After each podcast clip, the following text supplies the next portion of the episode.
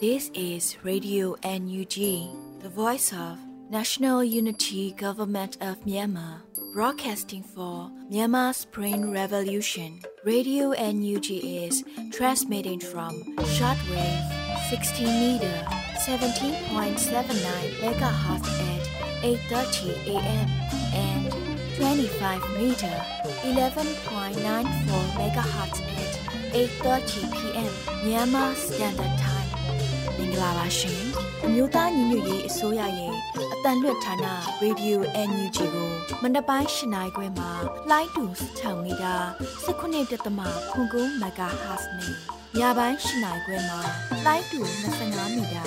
17တက်သမ6လီမဂါဟတ်စ်တို့မှာဓာတ်ရိုက်ဖမ်းယူနားဆင်နိုင်ပါပြီရှင်။မင်္ဂလာအပေါင်းနဲ့ပြည့်စုံကြပါစေ။အခုချိန်ကစပြီး Radio NUG စီစဉ်လေးကိုဓာတ်ရိုက်အတန်လွှင့်ပေးနေပါပြီ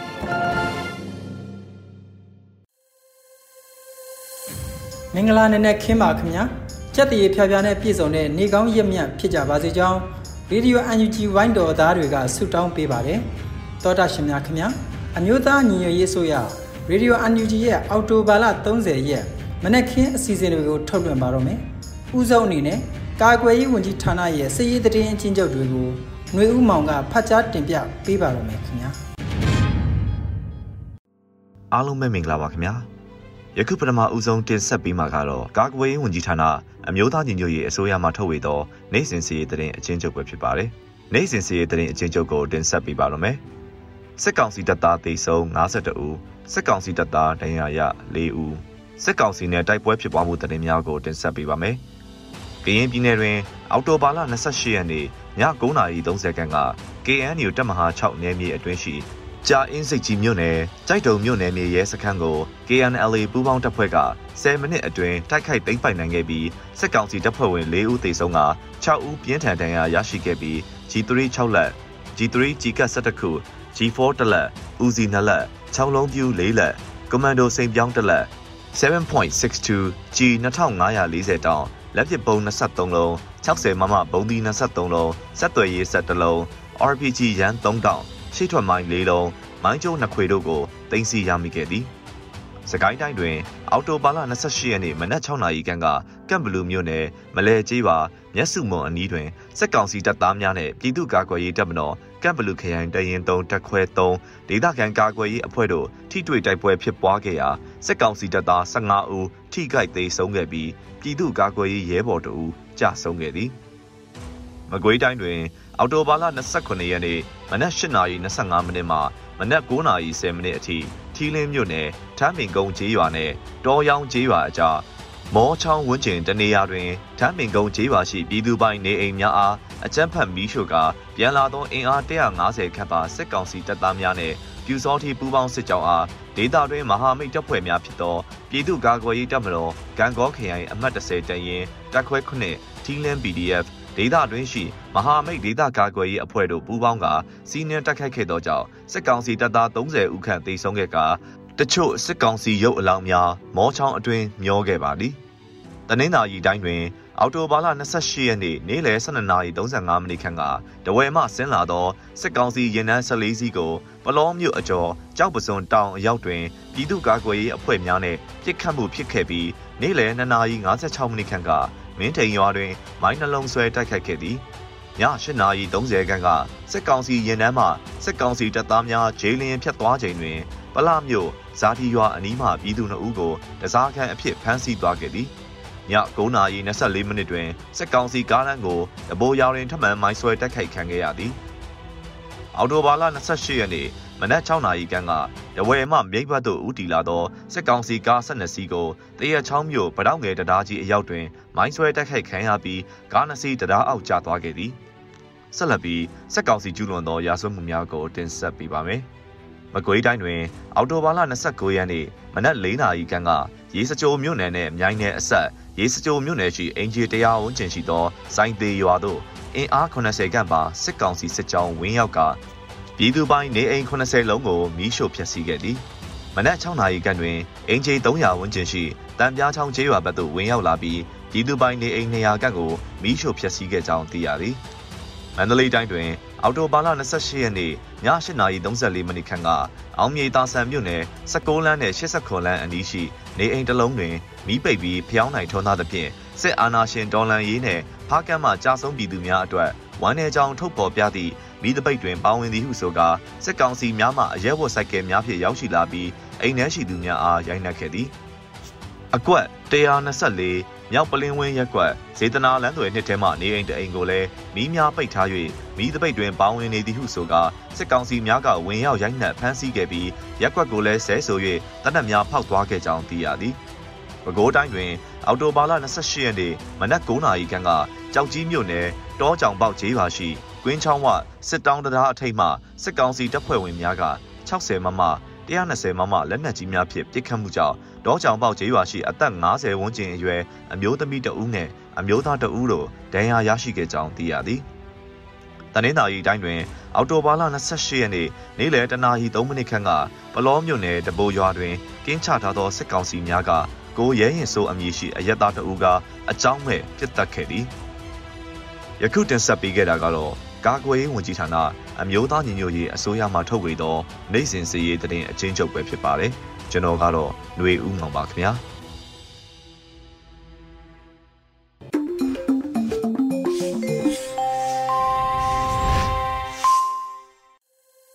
Radio UNG ကဆက်လက်အတန်လှည့်လျက်ရှိနေပါတယ်။ဆက်လက်ပြီးနောက်ဆုံးရသတင်းတွေကိုຫນွေဦးမွန်ဖတ်ကြားတင်ပြပေးတာနားဆင်ကြရပါမယ်ခင်ဗျာ။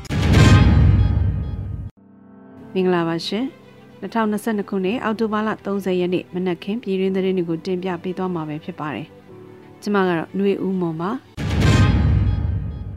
မြင့်မတူတာများကိုညှိနှိုင်းရင်တိုင်းပြည်တရားများကိုအမြန်ဆုံးကူစားဖို့လက်တွဲမယ်လို့တိုင်းသားဒေါ်လင်းအင်အားစုများကိုပြည်ထောင်စုဝန်ကြီးချုပ်ဖိတ်ခေါ်ပြောကြားတဲ့သတင်းအကြောင်းအရာကိုဥစွာတင်ပြပေးချင်ပါတယ်။အမြင့်မတူတာများကိုညှိနှိုင်းရင်တိုင်းပြည်တရားများကိုအမြဲဆုံးကူစားဖို့လက်တွဲမယ်လို့တိုင်းသားဒေါ်လင်းအင်အားစုများကို ပြည်ထောင်စုဝန်ကြီးချုပ်မန်ဝင်းခိုင်တန်းကပြောပါတယ်။အောက်တိုဘာနောက်ဆုံးပတ်မြို့သားညီညွတ်ရေးအစိုးရပြည်ထောင်စုဝန်ကြီးချုပ်မန်ဝင်းခိုင်တန်းရဲ့ပြည်သူလူထုတို့ပြောကြားချက်မှာဝန်ကြီးချုပ်ကထည့်သွင်းပြောကြားခဲ့တာဖြစ်ပါတယ်။ညီနောင်သားချင်းတိုင်းသားဒေါ်လင်းအင်အားစုများခင်ဗျာကျွန်တော်တို့အချင်းချင်းကြားတွေက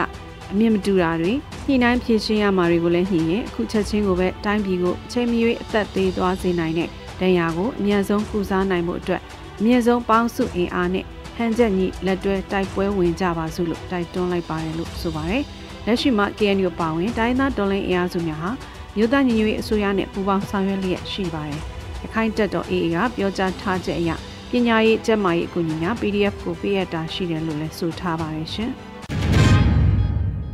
ဆက်လက်ပြီးတင်ပြပေးအောင်မဲ့သတင်းကတော့မြောက်ရီမင်းကြီးကျောင်းတိုင်းရဲ့နာယကဆရာတော်ဗဒနာရိယာဝန်တာ ဘဝနဲ့ထံပြန်လွန်တော်မူခြင်းအပေါ်ဝမ်းနည်းကြောင်းတဝန်လွှာအမျိုးသားညီညွတ်ရေးအစိုးရမှပေးပို့တဲ့သတင်းဖြစ်ပါတယ်။မြောက်ရီမင်းကြီးကျောင်းတိုင်း၏နာယကဆရာတော်ဗဒနာရိယာဝန်တာဘဝနဲ့ထံပြန်လွန်တော်မူခြင်းအပေါ်ဝမ်းနည်းကြောင်းတဝန်လွှာအမျိုးသားညီညွတ်ရေးအစိုးရကပေးပို့ခဲ့ပါတယ်။အော်တိုဘာ29ရက်ညပိုင်းမှာဝမ်းနည်းကြောင်းတဝန်လွှာကိုဖော်ပြပါတယ်။မြောက်ရီမင်းကြီးဆရာတော်အရှင်သူမြတ်သည်2021ခုနှစ်ဖေဖော်ဝါရီလ1ရက်ဆီယနာသိန်းချိန်တွင်အကြမ်းဖက်စစ်တပ်၏ဖမ်းဆီးခံခဲ့ရပြီး6လတလူဝလဲ၍ချုပ်နှောင်ခံခဲ့ရတော့လေ ထောင်မှပြန်လည်လွတ်မြောက်လာပြီးနောက်ပြည်သူများနှင့်အတူအမှန်တရားဘက်တွင်ရဲရဲဝံ့ဝံ့ဆက်လက်ရည်တည်ခြင်းကြောင့်ပြည်ရင်းတွင်ဆက်လက်သတင်းသုံးနိုင်ခြင်းမရှိဘဲထိုင်းနိုင်ငံမဲဆောက်မြို့တွင်တိန့်ရှောင်၍သတင်းသုံးတော်မူနေစဉ်အောက်တိုဘာ29ရက်နေ့ည10:00နာရီအချိန်တွင်ဘဝနတ်ထံပြန်လွန်တော်မူကြောင်းစိတ်မကောင်းစွာဖြင့်သိရှိရတယ်လို့ဆိုပါတယ်။ဆရာတော်အရှင်သူမြတ်ဟာတတ်တော်ထင်ရှားရှိနေစေကာလတွင်ယဟန်တို့ရဲ့အလုပ်ဖြစ်သော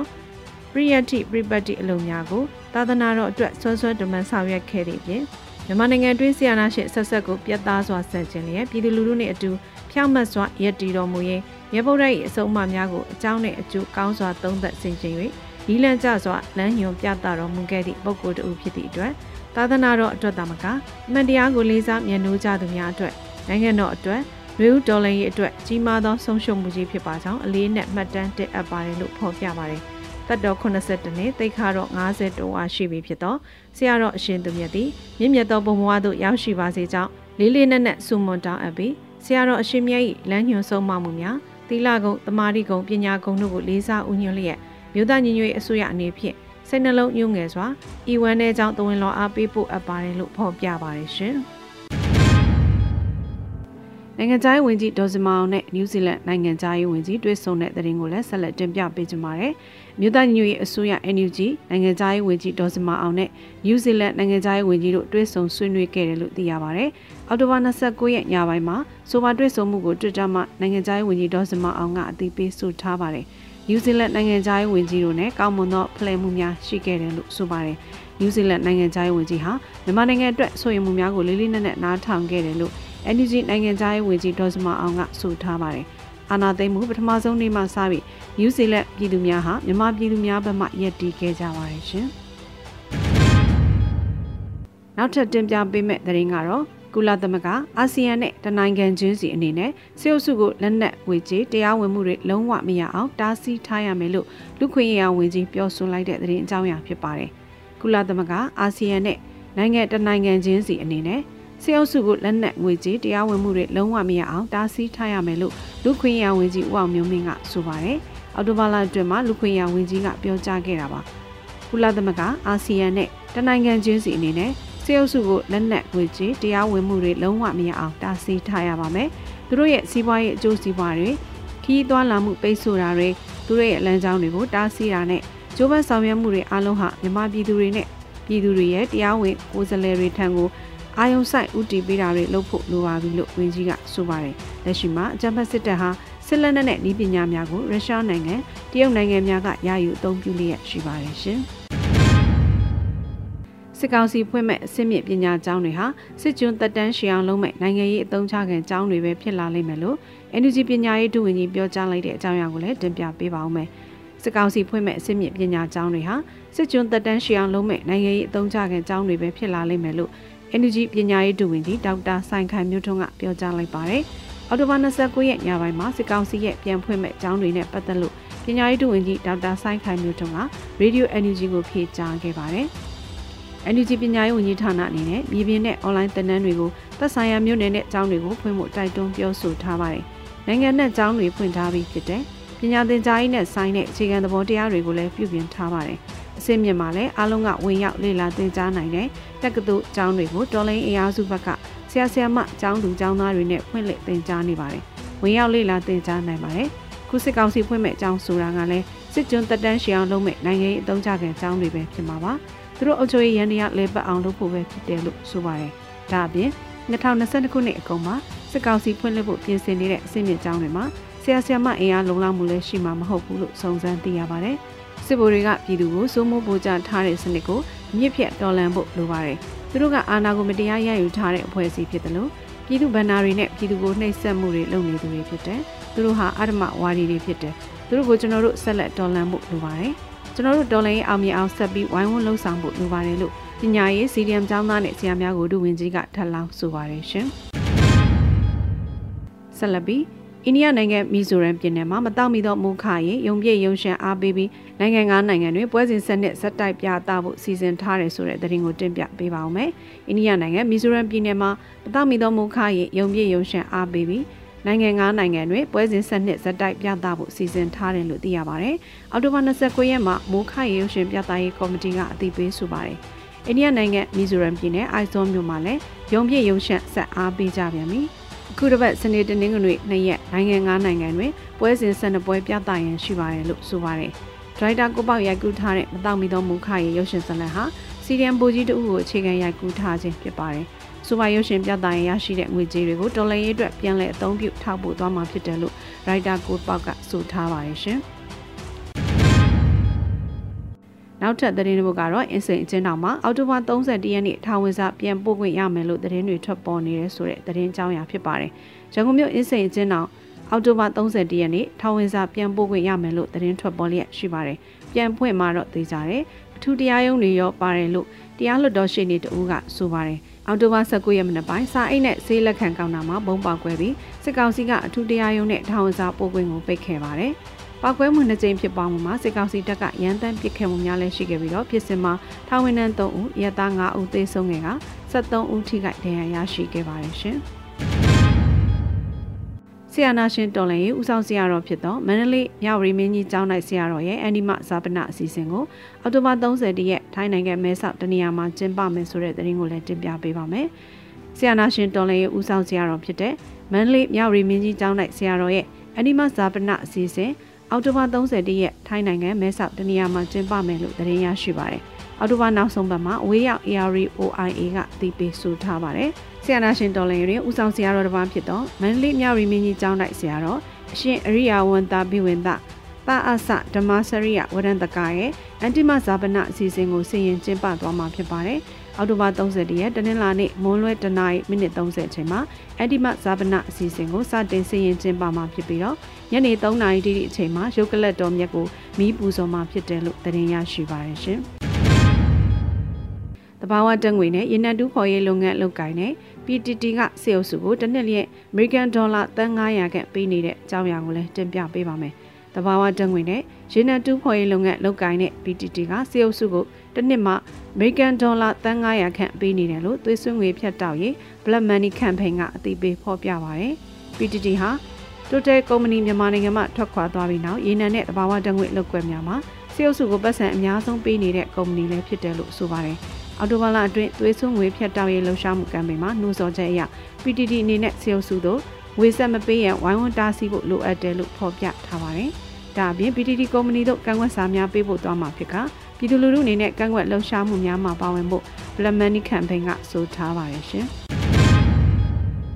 စစ်ကောင်စီရဲ့တရင်သုံးရင်မှာစစ်သား9ယောက် KNL ပူးပေါင်းဖွဲ့ငကနေစစ်ကြောင်းတက်ကွဲနှစ်ထံမှာအလင်းဝင်တဲ့တရင်ကိုလည်းတင်ပြပေးကြပါမယ်။ကရင်ပြည်နယ်ကျိုင်းစိတ်ကြီးမြို့နယ်သို့ထိုးစစ်ဆင်နေတဲ့ဂျမ်ဘတ်စစ်ကောင်စီရဲ့တရင်များဖြစ်ကြတဲ့တရင်သုံးရင်မှာစစ်သား9ယောက် KNL ပူးပေါင်းဖွဲ့ငကနေစစ်ကြောင်းတက်ခွဲနှစ်ထံမှာအလင်းဝင်ခိုလုံခဲ့တယ်လို့သိရပါတယ်။အော်တိုဘာ29ရက်မနက်ပိုင်းမှာ စစ်ကောင်စီတပ်သားများဟာအလင်းဝင်ခိုလုံလာတယ်လို့ KNL ပူးပေါင်းဖွဲ့ငကနေစစ်ကြောင်းတက်ခွဲနှစ်ကအတည်ပြုပါတယ်။ကင်းပြည်နယ်ကျိုင်းစိတ်ကြီးမြို့နယ်သို့ထိုးစစ်ဆင်နေသောဂျမ်ဘတ်စစ်ကောင်စီတရင်များဖြစ်ကြသည်ခမရ358မှတပ်သား3ဦးခမရ432မှတပ်သား2ဦးနဲ့ခလာရ284မှတပ်သား2ဦးစုစုပေါင်း5ဦးတို့သည် KNL တရင်19တက်ခွဲနှစ်နဲ့ငကနီစစ်ကြောင်းတက်ခွဲနှစ်ထံလာရောက်အလင်းဝင်ခဲ့ကြပါတယ်လို့ဆိုပါတယ်။အဆိုပါစစ်ကောင်စီတပ်သား5ဦးဟာ ငကနီစစ်ကြောင်းတက်ခွဲနှစ်မှတဦးလျင်ဂုံပြုထောက်ပံ့ငွေ9000ကျပ်ကျိုင်းစစ်ကြီးမြို့နယ်ပအဖမှသုံးဆောင်ပစ္စည်းများနဲ့ငကနီစစ်ကြောင်းတာဝန်ရှိသူများမှဝေစားများကူညီထောက်ပံ့ခဲ့ကြပါတယ်ရှင်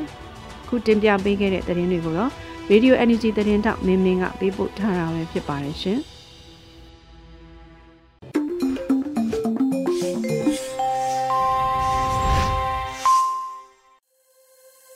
တော်တာရှင်များခင်ဗျာအခုဆက်လက်ပြီးအလှည့်ကျလာတာတော့ ပြည်သူခုခံစစ်တည်င်းများပဲဖြစ်ပါတယ်ဒီတည်င်းတွေကိုကျော်နေဦးကဖတ်ကြားထားပါတယ်ခင်ဗျာပထမဦးဆုံးတင်ဆက်ပေးခြင်းတဲ့သတင်းကတော့ရွှေဘိုမှာစစ်ရင်တန်းမိုက်ခွဲခံရပြီး10ဦးထက်မနည်းတေဆုံးတဲ့သတင်းပါအော်တိုဘာလ24ရက်ညနေ9:40မှာစကိုင်းရွှေဘိုလန်းဇီတော်ကြီးရွာအနီး၌တန်ကြက်ကစစ်ကားတစ်စီးဖော်ကားတစ်စီးအိမ်စီးကားတစ်စီးဖြင့်ထွက်ခွာလာတဲ့စစ်ကောင်စီတပ်ဖွဲ့ကို SBDF နဲ့မဟာမိတ်တပ်ဖွဲ့များက၃ချိန်မိုက်ခွဲတိုက်ခိုက်ရာ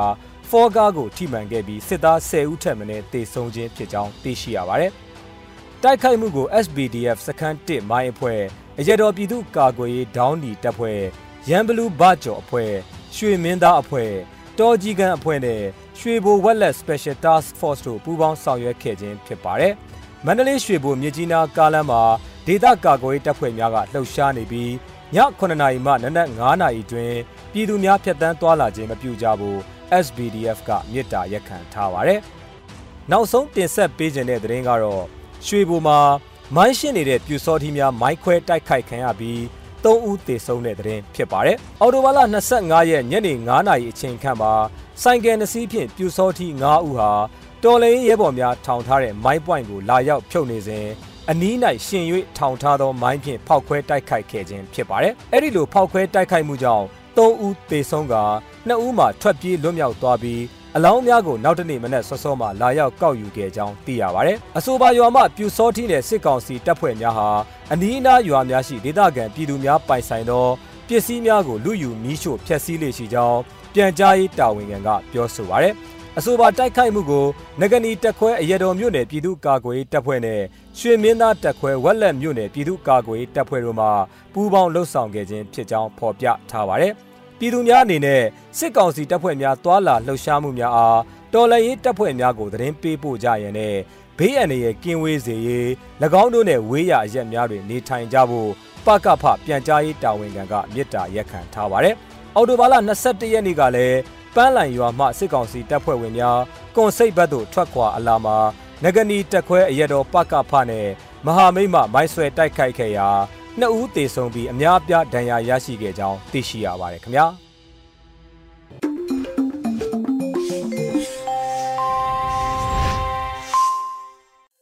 ရေဒီယို UNG ရဲ့မနက်ခင်းအစီအစဉ်တွေကိုဆက်လက်အတန်လွှင့်လျက်ရှိနေပါတယ်။အခုချိန်ကစပြီး PPTV ရဲ့နေ့စဉ်သတင်းတွေကိုတော့ ထက်ထက်အင်ဒရာအောင်ကဖတ်ကြားပေးမှာဖြစ်ပါတယ်ခင်ဗျာ။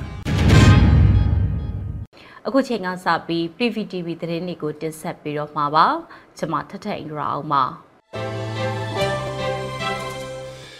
ပထမဆုံးတင်ဆက်ပေးမယ့်သတင်းကတော့ဂျမ်ဘတ်စစ်ကောင်စီကိုအမြင့်ဖြတ်တုတ်တင်ရှင်းလင်းရေးပြတ်သားတဲ့ဆုံးဖြတ်ချက်တွေကြောင့်မကြခင်အချိန်မှာဆီယနာရှင်စရိတ်ချုပ်ငိမ့်တော်မယ်လို့ပြည်ထောင်စုဝန်ကြီးဒေါက်တာဇော်ဝီဆိုပြောကြားလိုက်တဲ့သတင်းမှာတိုင်းသားတော်လှန်ရေးအဖွဲ့တွေနဲ့ပြည်သူတော်လှန်ရေးအဖွဲ့တွေရဲ့အကြမ်းဖက်စစ်ကောင်စီကိုအမြင့်ဖြတ်တုတ်တင်ရှင်းလင်းရေးပြတ်သားတဲ့ဆုံးဖြတ်ချက်တွေကြောင့် မကြခင်မှာဆီယနာရှင်စနစ်ချုပ်ငိမ့်တော်မယ်လို့အမျိုးသားညီညွတ်ရေးအစိုးရကျန်းမာရေးဝန်ကြီးဌာနပြည်ထောင်စုဝန်ကြီးဒေါက်တာဇော်ဝေဆိုကအော်တိုဘာလ28ရက်မှာပြည်သူလူထုကိုပြောကြားလိုက်တာပါ။တိုင်းသားတော်လှန်ရေးအဖွဲ့တိုင်းကပြည်သူတော်လှန်ရေးအဖွဲ့တိုင်းကတော်လှန်ရေးသမားတိုင်းအားလုံးကဒီဖက်စစ်စစ်တပ်ကိုတညီတညွတ်တဲ့ပူပေါအမြင့်ပြကြဖို့တုတ်သေးရှင်းလင်းကြဖို့သဘောထားတစ်ချက်တည်းရှိကြောင်းပြောကြားခဲ့ပြီးပြနေကြပြီပြက်ပြက်သားသားဆုံးဖြတ်လိုက်ကြပါပြီ။ မကြခင်မှာပြည်သူအောင်ပွဲတိုင်းသားတို့ရဲ့အောင်ပွဲတွေနဲ့ဆရာဆွေကောင်းဆရာနာရှင်တို့ချုပ်ငိမ့်တော်မှာဖြစ်ပါတယ်လို့ပြည်တော်စုဝန်ကြီးကပြောကြားခဲ့တာပါအသက်ပေးခဲ့ကြရတဲ့ပြည်သူတဦးတယောက်ချင်းစီအတွက် တရားမျှတမှုရရှိရေးဆရာဆွဲကောင်းတွေကိုတရားစီရင်နိုင်ရေးဆောင်ရွက်သွားမှာဖြစ်တယ်လို့အဓိဋ္ဌာန်ပြုကြောင်းနဲ့အသက်ပေးခဲ့ရကြတဲ့တိုင်းရင်းသားပြည်သူတွေနဲ့အတူရှိပြီးဝမ်းနဲ့ကြေကွဲကြောင်းကိုတရားမျှတမှုရရှိတဲ့အထိပြည်သူတွေစီလုံးညီညွတ်ပြီးအင်အားပြတာကတိုက်ပွဲဝင်ရေးအဋိဋ္ဌံပြုကြဖို့လဲပြည်ထောင်စုဝန်ကြီးကတိုက်တွန်းပြောကြားခဲ့ပါတယ်။ဘယ်တိုင်းရင်းသားဘယ်လူမျိုးဘယ်ဘာသာဘယ်အဖွဲ့အစည်းကမှလက်မခံတော့ပါဘူး။မြန်မာနိုင်ငံမှာစစ်ကောင်းဆောင်တွေနဲ့စစ်အာဏာရှင်တွေအတွက်စစ်ရာဇဝဲကောင်းတွေအတွက်နေရာမရှိတော့ဘူး။ မြန်မာနိုင်ငံမှာသူတို့အတွက်နေရာလုံးဝမရှိတော့ဘူးအဆုံးတတ်တော်မယ်ကိုယ့်ရဲ့ဏီကုံလန်းကိုကိုယ့်ဘာသာကိုရေးနေကြပြီလို့ပြည်တော်စုဝန်ကြီးကဆက်ပြီးတော့ပြောခဲ့ပါတယ်အမျိုးသားညွရေးအစိုးရပညာရေးဝန်ကြီးဌာနနဲ့ကျန်းမာရေးဝန်ကြီးဌာနပြည်တော်စုဝန်ကြီးဒေါက်တာဇော်ဝီဆိုက ဖာကန်အနက်မှာဘုံကျဲတိုက်ခိုက်မှုကြောင့်ကြာဆုံးခဲ့ရသူတွေအပါအဝင်တော်လိုင်းရေးအတွင်းကြာဆုံးခဲ့ရသူတွေအားအလေးပြုဝမ်းနေကြောင်းနဲ့တရားမျှတမှုရရှိအောင်လှုံ့ဆော်ပေးမယ်လို့ပြည်သူတွေကိုကတိပြုပြောကြားချက်မှာအထက်ပါအတိုင်းထည့်သွင်းပြောကြားလိုက်တာလည်းဖြစ်ပါတယ်ဆက်လက်ပြီးတော့တော်လိုင်းရေးအတွက်အသုံးပြုဖို့96 Soldier PDF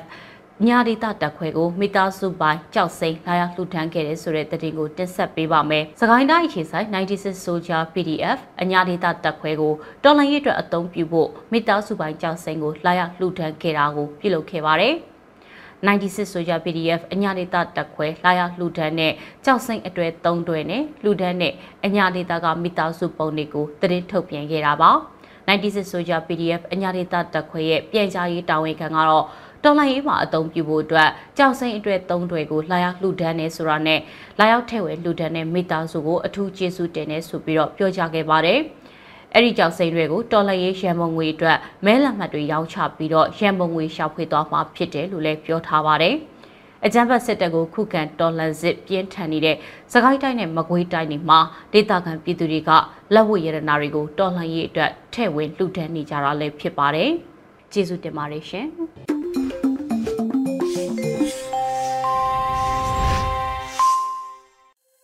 တောတာရှင်များခင်ဗျာအော်တိုဘာလ30ရက်မနက်ခင်းစီစဉ်ရဲ့နောက်ဆုံးစီစဉ်အနေနဲ့တိုင်းသားဘာသာစကားအစီအစဉ်မှာဂျိုးချင်းမွန်ဘာသာစကားထုတ်လွှင့်မှုအစီအစဉ်ကိုတင်ဆက်ပေးလိုက်ပါတယ်။ယခုအစီအစဉ်ကိုဂျိုးချင်းဘာသာစကားထုတ်လွှင့်မှုဖွဲ့ကအစီအစဉ်တင်ဆက်ထားတာပဲဖြစ်ပါတယ်ခင်ဗျာ။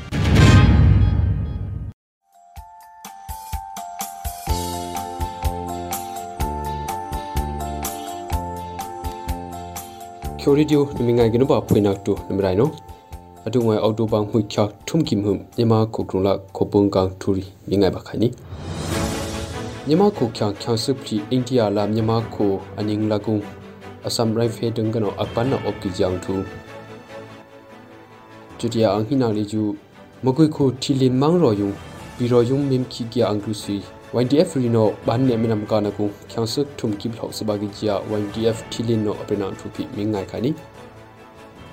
မကွေခုထီလင်မောင်ရောယုံဘီရောယုံမင်ခီကီအန်ဂရုစီ YDF Rino ban ne minam kana ku kyangsuk thum ki bhlo sabagi jia YDF thilin no apena thu phi mingai khani mizo khu akthum bi naka young mizo association YMA ya aming re na ku nyama khu kano download kya khu khyang ria phwa aktunga aming re na omgi jang thu phi mi ngai khani PDF la Burma People's Liberation Army PPLA aning lagung angri sui kong ut na ne tu wai ji ya NUG no aprina thuri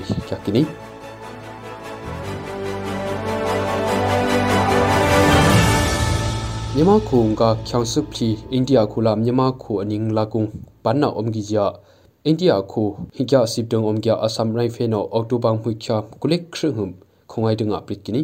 အဂျုနာမြန်မာခုချောင်ချောင်စုဖလီလေဂျူအောက်တိုဘာမှုချာကုလက်ခရဟုမ်မီဇိုရမ်ခုဆိုင်ဟာပလင်ဘုံရီတန်ကနောမစ်ပန်ဂျီပီအဂျုံလေဂျူရုကရီနီမီဇိုရမ်ဆိုင်ဟာခုပန်နီယောတလန်ပီရောအိန္ဒိယလာမြန်မာခုနင်းလာကုံ ကမ်ဘူမော်တော်ဆိုင်ကင်းဂျုံကီယာချောင်စုဖလီအဂျုနာမစ်ပန်ဂျီပီပရစ်ကွီနီအဂျုနမယာမစ်ပန်လီဂျူအဆမ်ရိုင်ဖေဒန်ကနောကမ်ပိုဆိုင်ကင်းဂျုံကီယာချောင်စုဖလီလော့ကီဂျီယန်ထူငယောဦးနေစင်နမစ်ပန်ဂျီပီမီဇိုရမ်နျူးစနယ်လီဂျူရုကီနီအိန္ဒိယခိုလာမြန်မာခုံဟိနင်းလာကုံလေဂျူအချွနမယမြန်မာခုချောင်ရီမီဇိုရမ်ပလင်ဘုံလာအဆမ်ရိုင်ဖေတန်ကနောအရှုံရှုံကြအမိပန်နာအုံကီဖိကကနီ ယောခုတီလီမန်းရောယုံပရိပရိကချောလဟကုံချောင်ငွန်ပီရောယုံမင်ခိကီယာအင်္ဂရိစီကောင်စီလေကျူတီလင်မန်းရောထမ်ပင်ကုံပီရောအငေဒုံဆေဟကောရာကပ်အန်ဘူထုမ်နောဘန်နေမီနမ်ကာန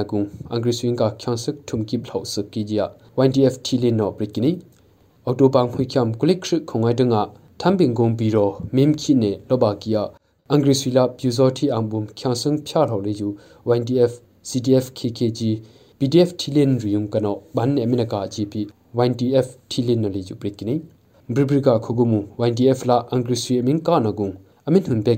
ချန်စက်ထုမ်ကိဘလောက်စကီဂျီယာ YDF တီလင်နောပရိကနီ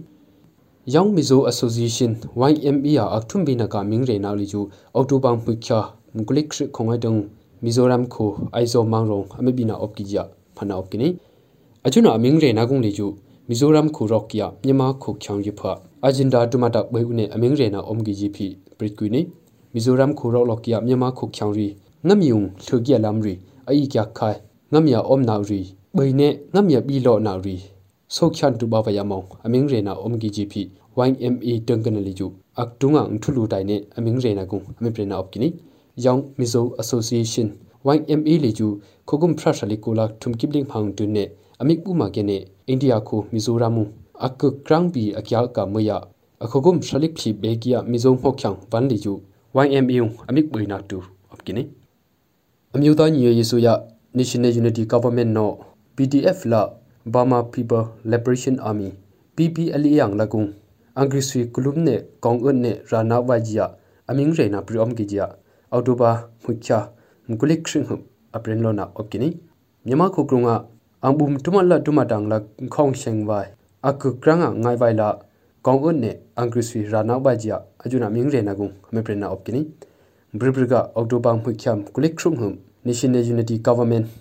ministry of defense ဝန်ချီတုံကြကြဦးယီမွန် PPLA ုံကအန်ဝိုင်ရီကြကြမောင်ဆောင်ခကျူတျာယူအမင်ငမီခုနေအမင်းရေနာကုံအချွနာငိုင်အတာအမဟပ်ဘိဖီကြကနီ Burma People Liberation Army PPLA လေကျူ KNU နောအဝနာကခုကရုံ KNL ယွန်အတငါအန်ကရစီရာနနေဒုံကပွိကီယာဆဲဟေကော့ရာကပ်အမှုမ်တမကြကကြနင်းငမ်သင်ဒူရီနေအဒုံဝိုင်ထူမီငါလီကျူအရှင်မုံကြခါနီမြမခုကရုံလာခဘုန်မောက်ကျချိုဇာချန်ဘန်အယုတီစီနာအင်အိုင်နာရီအယုမိုက်နေနိဘုံခွတ်နမချင်နုံဆကြရှင်ကနောပရင်နီနုပါခွိနာဘန်ရိုင်းယောဘဒီက